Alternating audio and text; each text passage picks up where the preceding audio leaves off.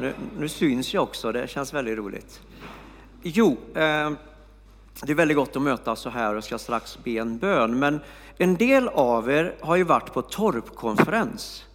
En del av er har varit på Nyhemskonferens. En del har legat på knä hemma i bönekammaren och har varit på förklaringsberget. En del har hört Karro predika och har varit på förklaringsberget. Det är så gott och det är härligt. Så en del sitter där helladdade.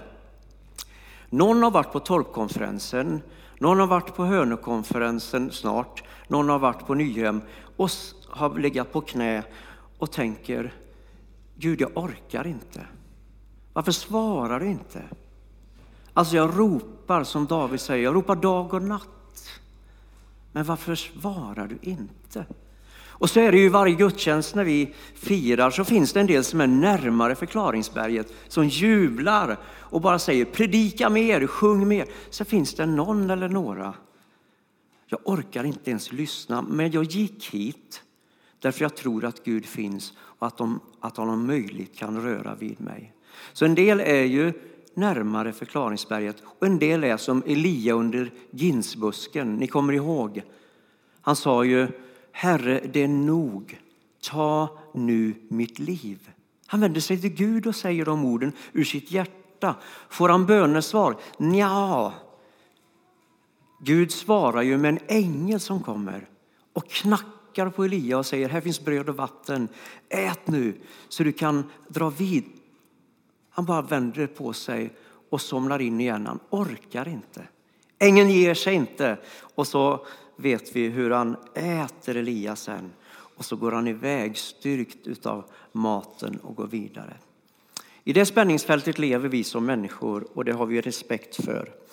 Eh, en bön och sen ett försök till predikan. Låt oss be. Herre, vi ber att du kommer till oss, vi som är nära förklaringsberget och upplever att livet är ljuvligt och gott att du är god och allting är underbart. Herre, tack att du också kommer till den av oss som är närmare ginsbusken. Som tycker det är så mörkt där inne fast det är så ljust där ute. Herre, vi ber att du med din goda helige Ande kommer till oss. Du som är hjälparen, tröstaren. Men du är också den som kommer med kraft. Så vi ber helige Ande vila över oss så att våra öron får höra det vi ska höra, så att våra ögon får se. Smörj våra ögon, våra öron. Herre, vi vill se dig, vi vill höra dig, vi vill möta dig. Herre, kom och gör våra hjärtan brinnande. Amen.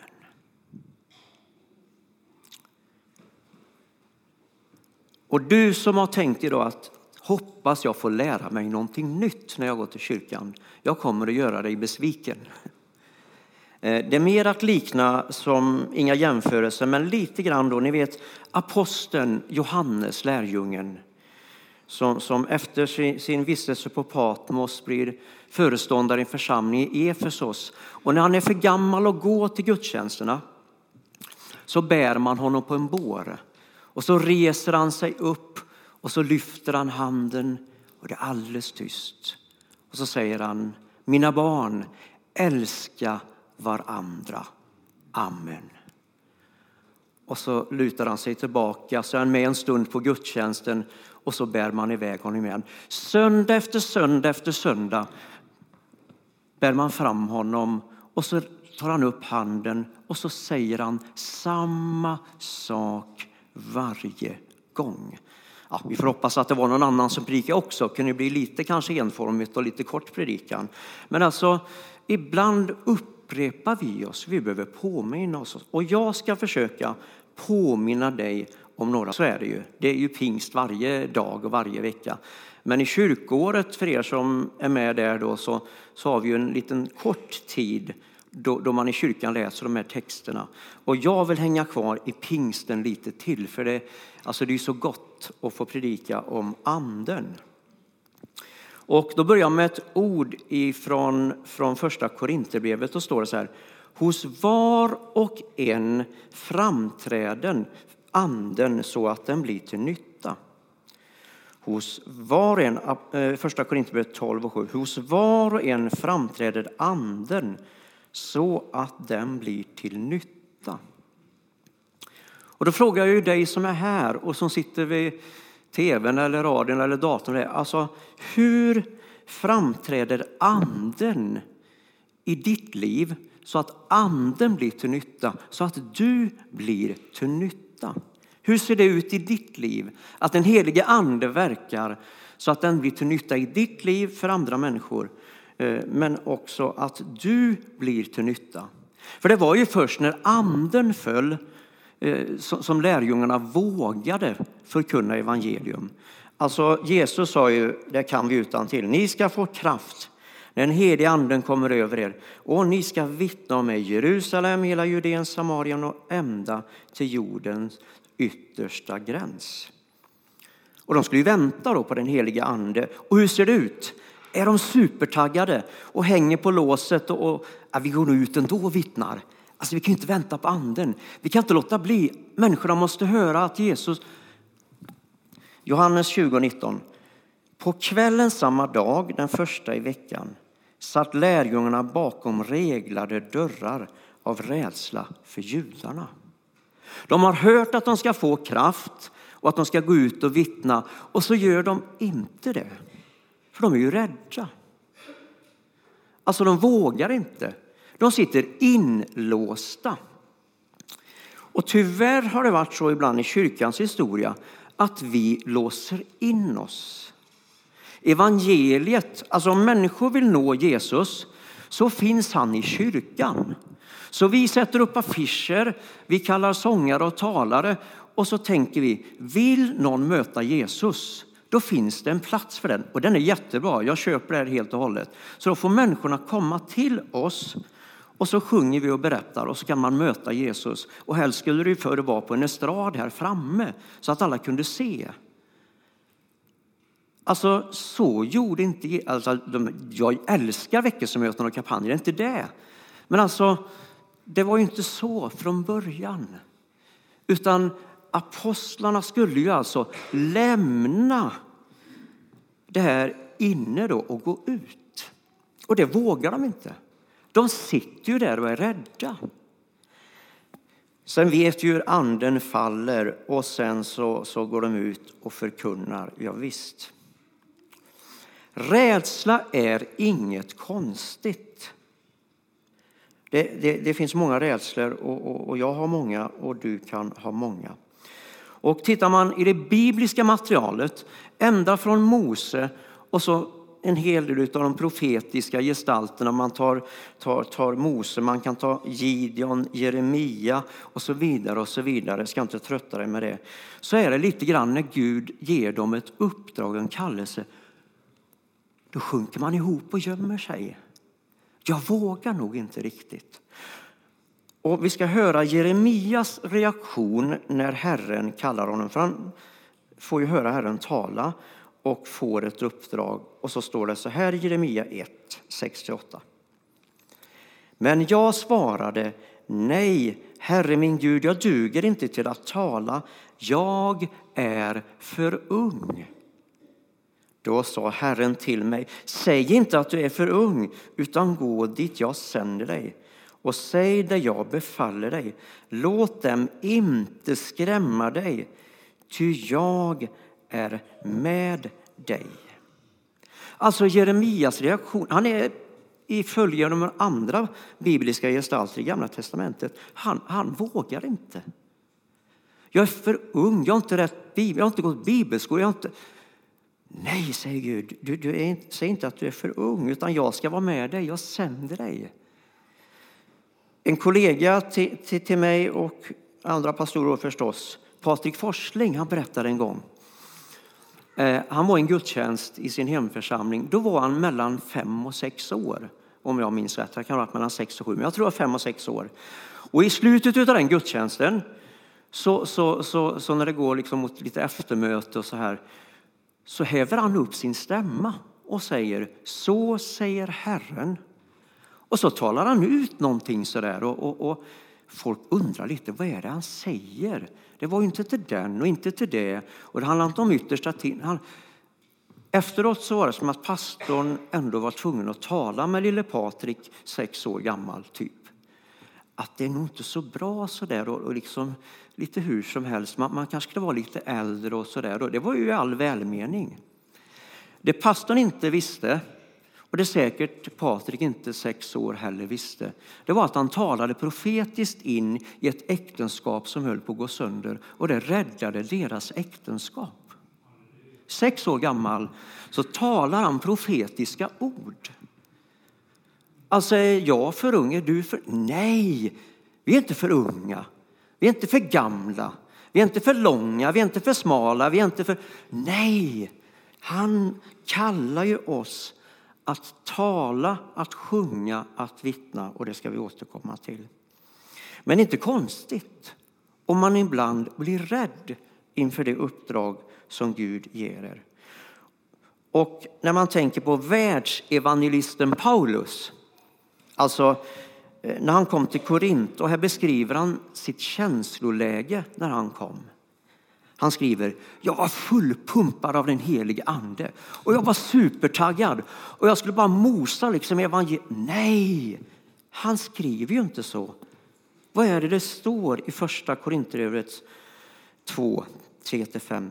Jag var svag och rädd och full av ängslan när jag uppträdde inför er. Världsevangelisten Paulus vittnar om att jag hade inte en egen kraft. Jag hade inte en apostels liksom, automatik över mitt liv så jag bara kunde mosa på och köra. Nej, jag var svag. Jag var rädd och jag var full av ängslan när jag kom till er. Mitt tal och min förkunnelse övertygade inte med vishet utan bevisade med ande och kraft. Er tro skulle inte vila på mänsklig vishet utan på Guds kraft. Så när du tänker på uppdraget som vi kyrka har primärt att vinna den här världen och vi kan göra det här inne och nere i källaren och på läktaren och överallt i kyrkan. Men primärt har vi fått kallelsen att möta människor ute i vardagslivet. Och som jag känner kyrkan efter 30 år så är det inte vår starkaste gren. Utan som Mangs skrev redan på 30-talet i en av hans tidigaste böcker. Församlingen tenderar att bygga andliga skyddsrum i vilka man gömmer sig för den farliga världen utanför. Det skrev Mangs på 30-talet i en av sina böcker. Alltså kyrkan, vi bygger in oss. Och sen får människorna komma till oss. Och det är jättebra när människor gör det. Men någonstans i skriften tycker jag mig känna ett mönster att det handlar om att gå ut och möta människor. Alltså det finns många rädslor. Vad ska folk tycka? Vad ska folk tänka? Och jag tänker, jag är 57 år gammal. Det kan man faktiskt tro. Ja. Eh, känner mig som 87 också.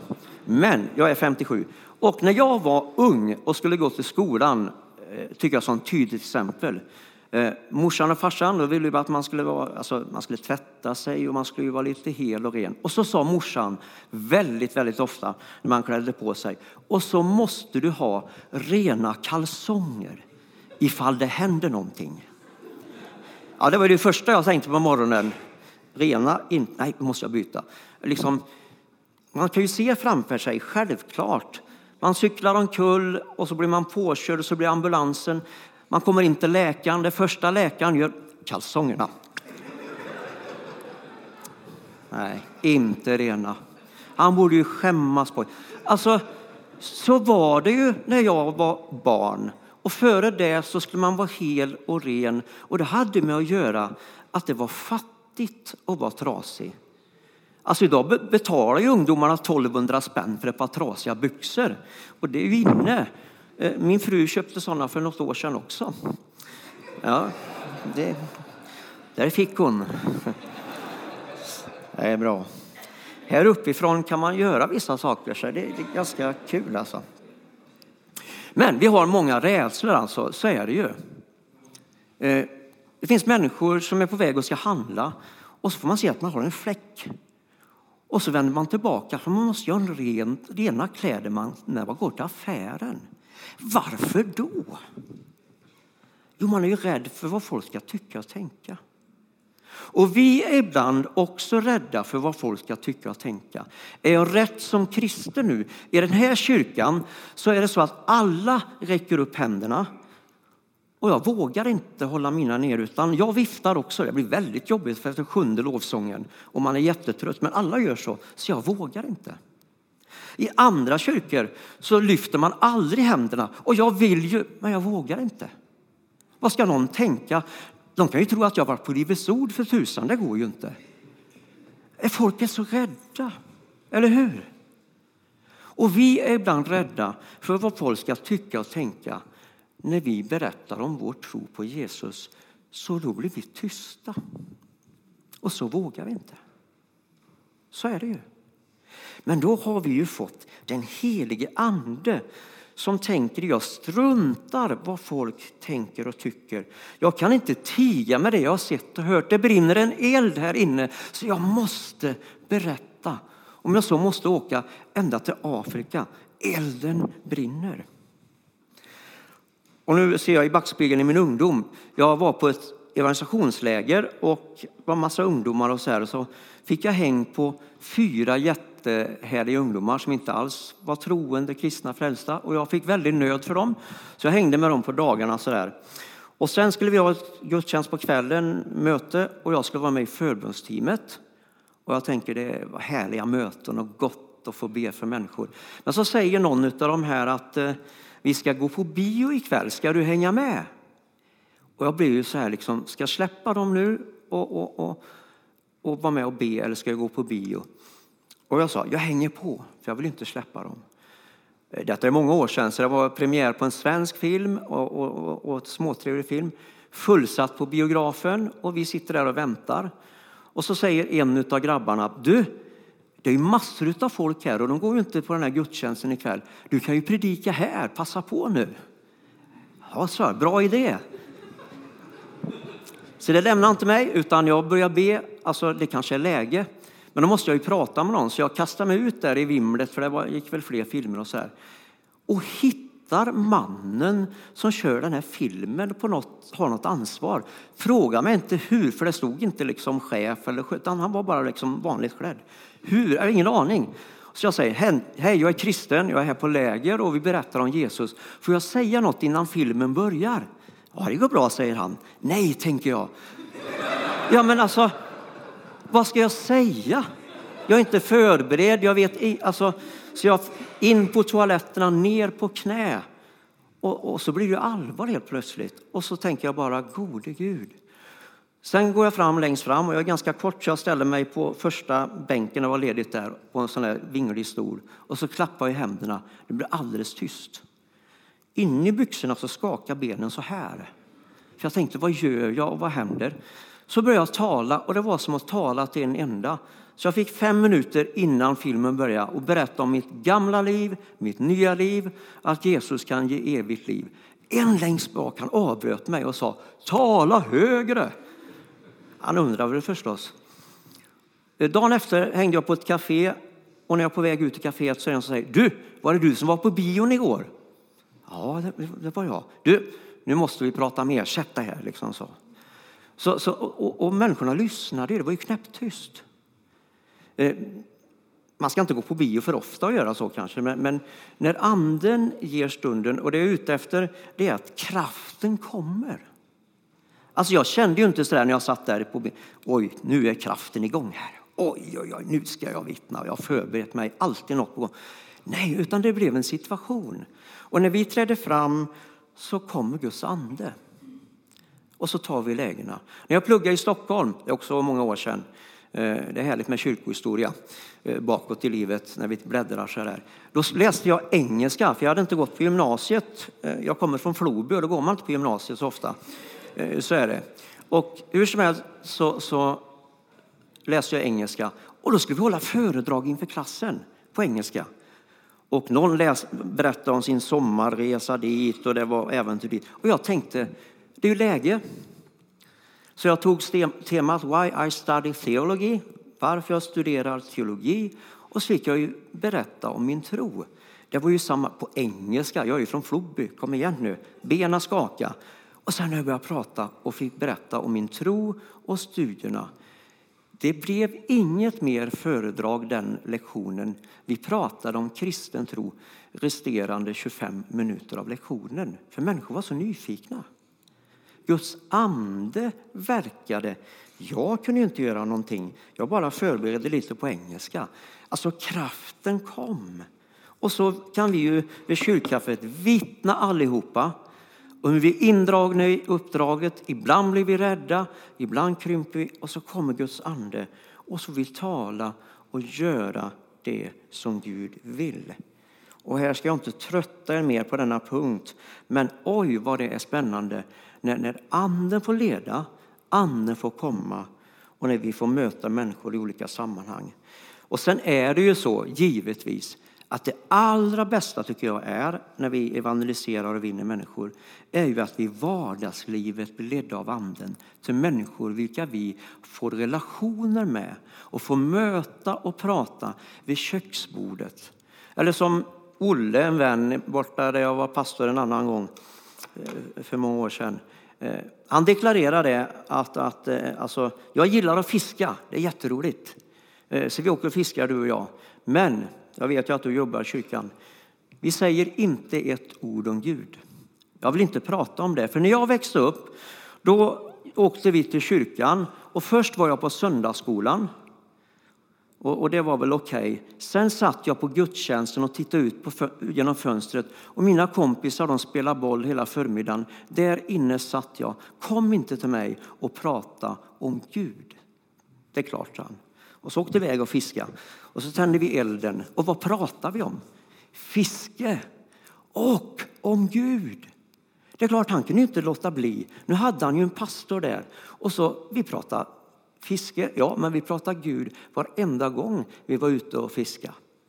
För det fanns ju i hans hjärta någonting. Alltså vardags... Alltså jag gillar ju att fiska. Det var ju bara att hänga på. Och så uppstod samtalen. Alltså jag bara påminner, det här var inget nytt, utan jag bara påminner. En del som jag tänker ytterligare bara i predikan så här, det är ju hos var och en framträder anden så att den blir till nytta.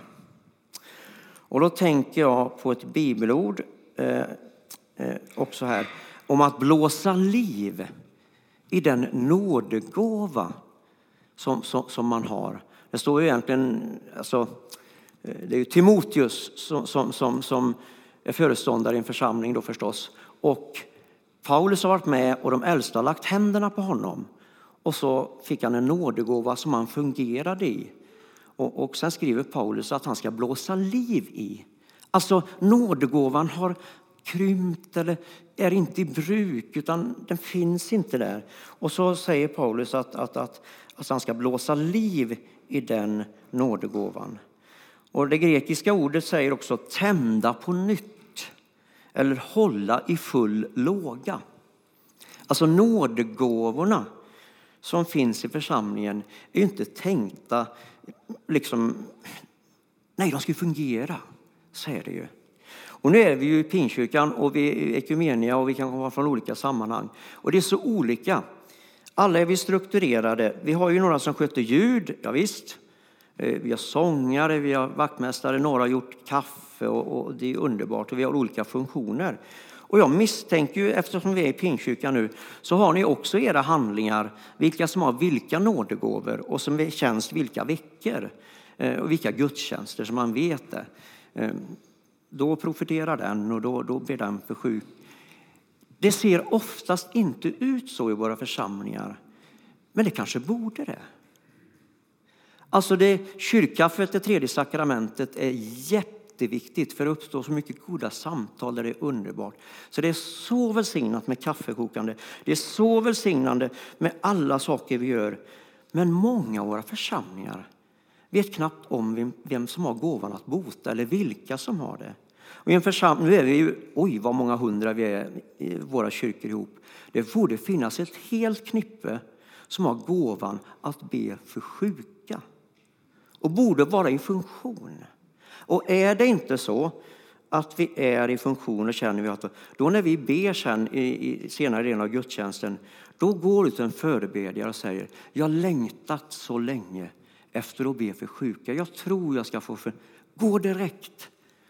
Och så ber någon av oss för dig sen så att du kommer i funktion. Blåser liv i den här nådegåvan som antingen har varit i funktion eller inte har kommit i funktion. Och ibland händer ju saker. När jag var nyfrälst då, då, då, då var jag på sommarvisation på Smögen åtta veckor. Vi bad och bad och bad och var ute på nätter och, och pratade med folk på krogar och överallt. Och så där. Men vi bad väldigt, väldigt mycket.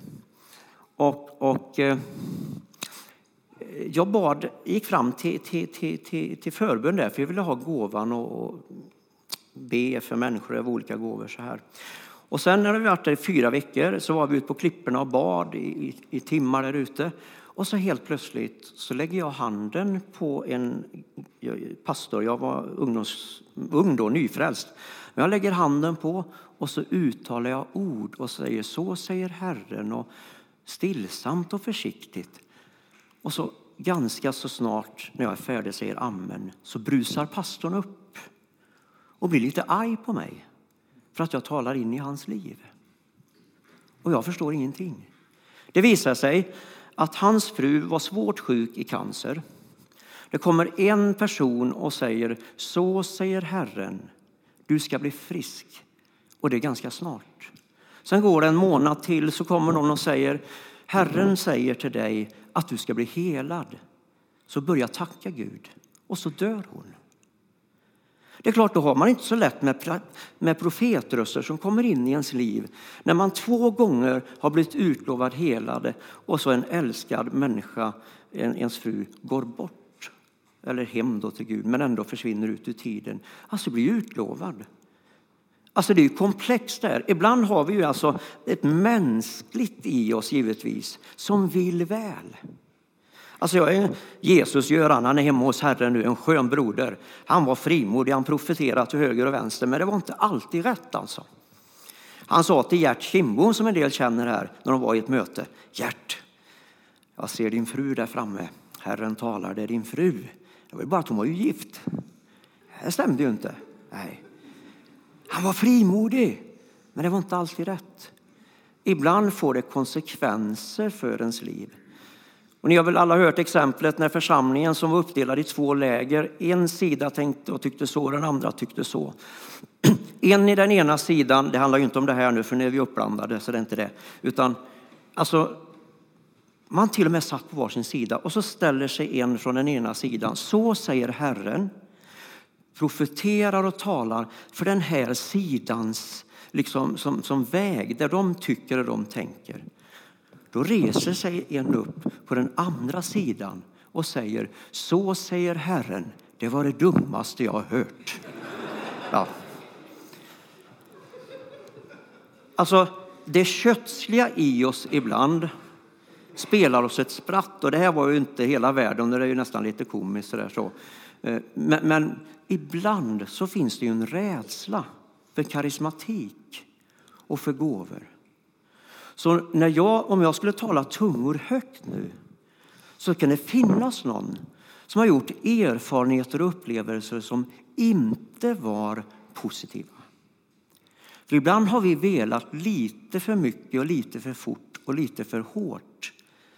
Jag har legat på knä under pastorer som jag har nästan har blåmärken här för det har bett så underbart och härligt så det har gjort ont i kroppen. För de tar i och vill så mycket. Eh, och ibland har ju vi skadat människor. Och då gör vi ibland så att vi drar oss tillbaka och då, då, då, då struntar vi i det här. För det kan ju spåra ur, eller det blir ju fel en gång. Och du kanske har profeterat över någon och det inte var rätt. Du har gjort det tio gånger eller tjugo och det har varit rätt alla gånger utom en. Och den här enda gången gjorde att nu vågar inte du. Var då frimodig och gå till bönen och förbönen när tiden är inne för det. Oj, vad jag har talat länge. Men nu är jag i Pingstkyrkan, vi kör en timme till. Det var första punkten av nio, brukar de väl säga. Nej då. Vi ska snart gå in för landning i prikan. Men alltså, här finns så många gåvor. Men framförallt tänker vi nu då på nådegåvorna. Och när Paulus talar om det här, och jag ska inte gå igenom alla, så var lugna. Eh, så finns ju det när Paulus säger att helst vill jag att ni profeterar. Alltså tungotalet är bra, det är underbart. Och så länge det sker i ordnade former och hemma. Och om man inte har en uttydning, då ska ju tungotalaren tiga. Och ser vi i backspegeln, alltså jag kan inte rå för att jag har varit med när Guds ande har fallit och vi talar i tungor så är det dörna om ett liksom så här. Då, då var det ju anden. Men jag har också varit med många gånger när vi har ropat i tungor och talat i tungor när anden inte har fallit utan vi har haft ett mönster för då är det andligt och då är det tryck. Och så har det suttit människor i gemenskapen som aldrig mer har gått i kyrkan fast de inte har läst Paulus ord om att vi inte borde göra så. Så tala i tungor, kära vänner, så mycket ni orkar. Kom igen, ge järnet i tungotalet, men hemma. Eller i kammaren, eller tyst och stilla. För talar du ut tung, i tungor i gudstjänsten så förväntar sig alla att det ska komma en uttydning och en hälsning. Och det är ljuvligt och det är ju så gott när det händer. Så längtar du efter tungotalet, du kanske har tystnat. Det kanske någon har sagt till dig. Vi vill inte veta av. Jag vet inte. Sök förbön och sök att blåsa liv i nådegåvan. Sista innan jag säger amen, det är ju förstås då gåvan att be för sjuka. Jag nämner inte de andra nu. Eh, det finns ju många sjuka människor ibland oss. Jag är reumatiker sedan snart 25 år. Oj, vad många gånger jag har varit i förbön. Jag minns i en pingkyrka nära där jag bodde då, då var det en talare som hade uttalat gåvan att be för sjuka. Så han åkte runt i Sverige och det samlades massor av människor. Och jag tänkte, jag går dit. Och jag gick så här alltså, ont och besvärligt. Så jag gick, åkte bil, gick till gudstjänsten. Massor av människor. Och när det blir förbönstund så är det jättelång kö. Så jag tänker, vad ska jag göra? Ska jag vänta? Och så här. Jag bara går i mittgången fram, ställer mig längst fram vid korset. Och så står jag bara och tänker att ja, men Jesus, du kan ju. Kom igen nu Jesus, nu, nu är jag här. Vad händer? Jo, jag faller ihop och blir hängande över en stol. Och så skrattar jag och skrattar och skrattar. Och Guds ande bara fyller mig ifrån topp till tå. Kraften går igenom hela mitt liv. Och jag bara skrattar och skrattar och så tänker jag hoppas att ingen från Missionskyrkan är här och ser mig.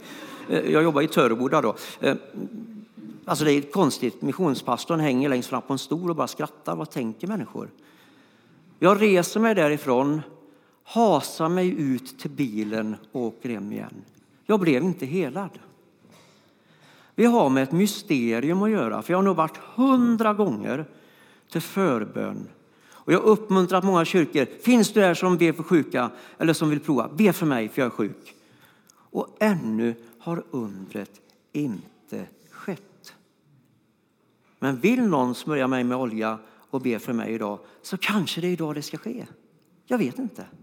Och vi fortsätter och vi fortsätter. Så jag uppmuntrar dig som funderar, ber och längtar att få vara i funktion i den gåvan. Gå till någon som, som ber för dig här nu sen. Och, och vill du köra igång direkt så, så, så be för mig frimodigt. Jag tar alltid emot förbön, för det kan ju hända idag. Kära vänner, en bön och sen fortsätter gudstjänsten. Herre, tack att vi får vara inför ditt ansikte. vi tackar dig för att du har gett oss den heliga Ande och vi tackar dig för att den är given kyrkan, församlingen. Och vi tackar dig för att du har gett oss kraften så vi inte ska behöva vara tysta utan att vi på olika sätt får sjunga om dig, måla om dig, vittna om dig, hantverka om dig. Ja, men använd oss på alla möjliga sätt så, så att vi kan vinna den här världen. Vi ber att du smörjer oss och välsignar oss.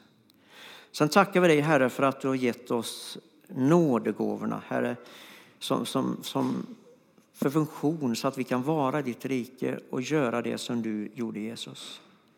Så vi tackar dig för alla gåvor som är i funktion på allt sätt i våra församlingar här och, och, och som allt det goda som görs. Och så längtar vi ändå efter ännu mer av din goda heliga Ande.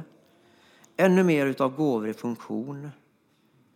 Herre, vi ber om profetians gåva. Starkt, tydligt, rakt, välgörande in i våra församlingar och våra liv. Herre, tack för dem som har gåvan just nu. Bara kommer din ande att man får leva i gåvan. Herre, samma för den som har gåvan att be för sjuka. Tungotalets gåva, det profetiska. Vi, vi ber Herre att du bara låter det vara i funktion. Men så ber vi också denna gudstjänst att du skulle förlösa, sätta i funktion. Att vi får blåsa liv i.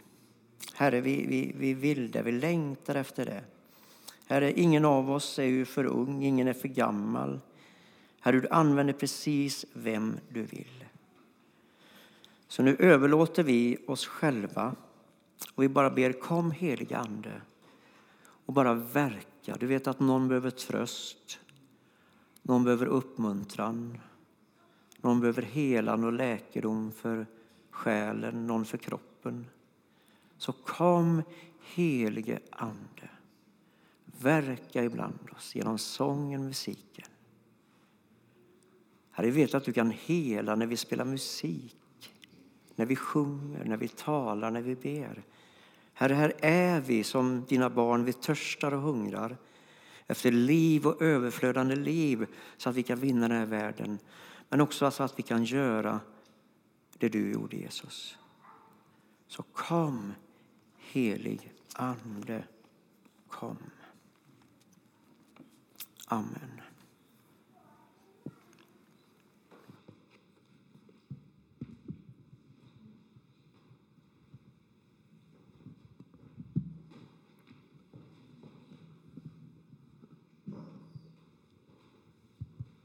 Katrin och Josefs, Jonas som är förebedjare idag kommer att sitta här framme.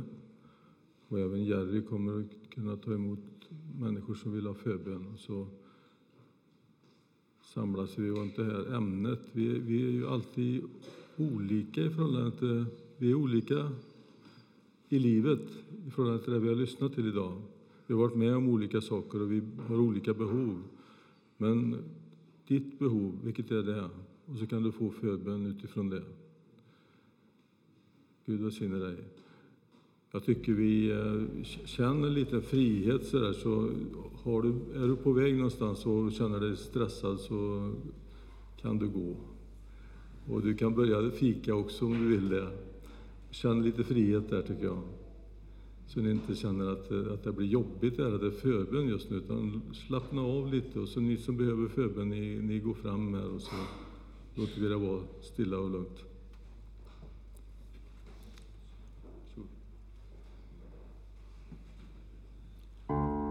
Ska vi sjunga en liten kör som stryker under vad vi har hört? Helige Ande, kom oss nära. Helig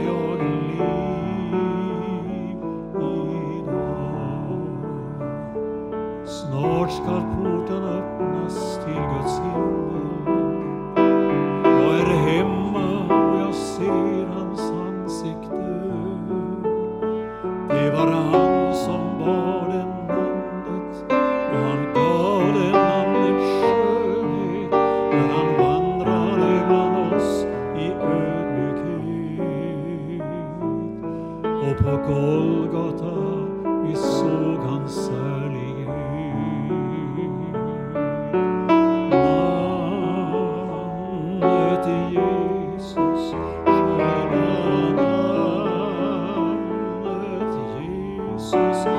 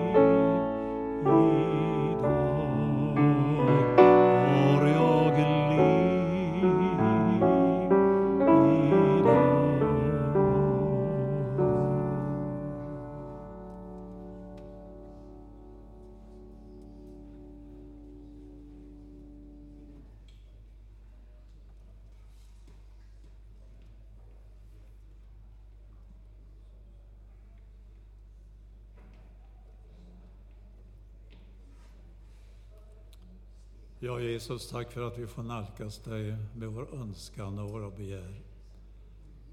Du är här med din helige Ande. Det budskap som jag har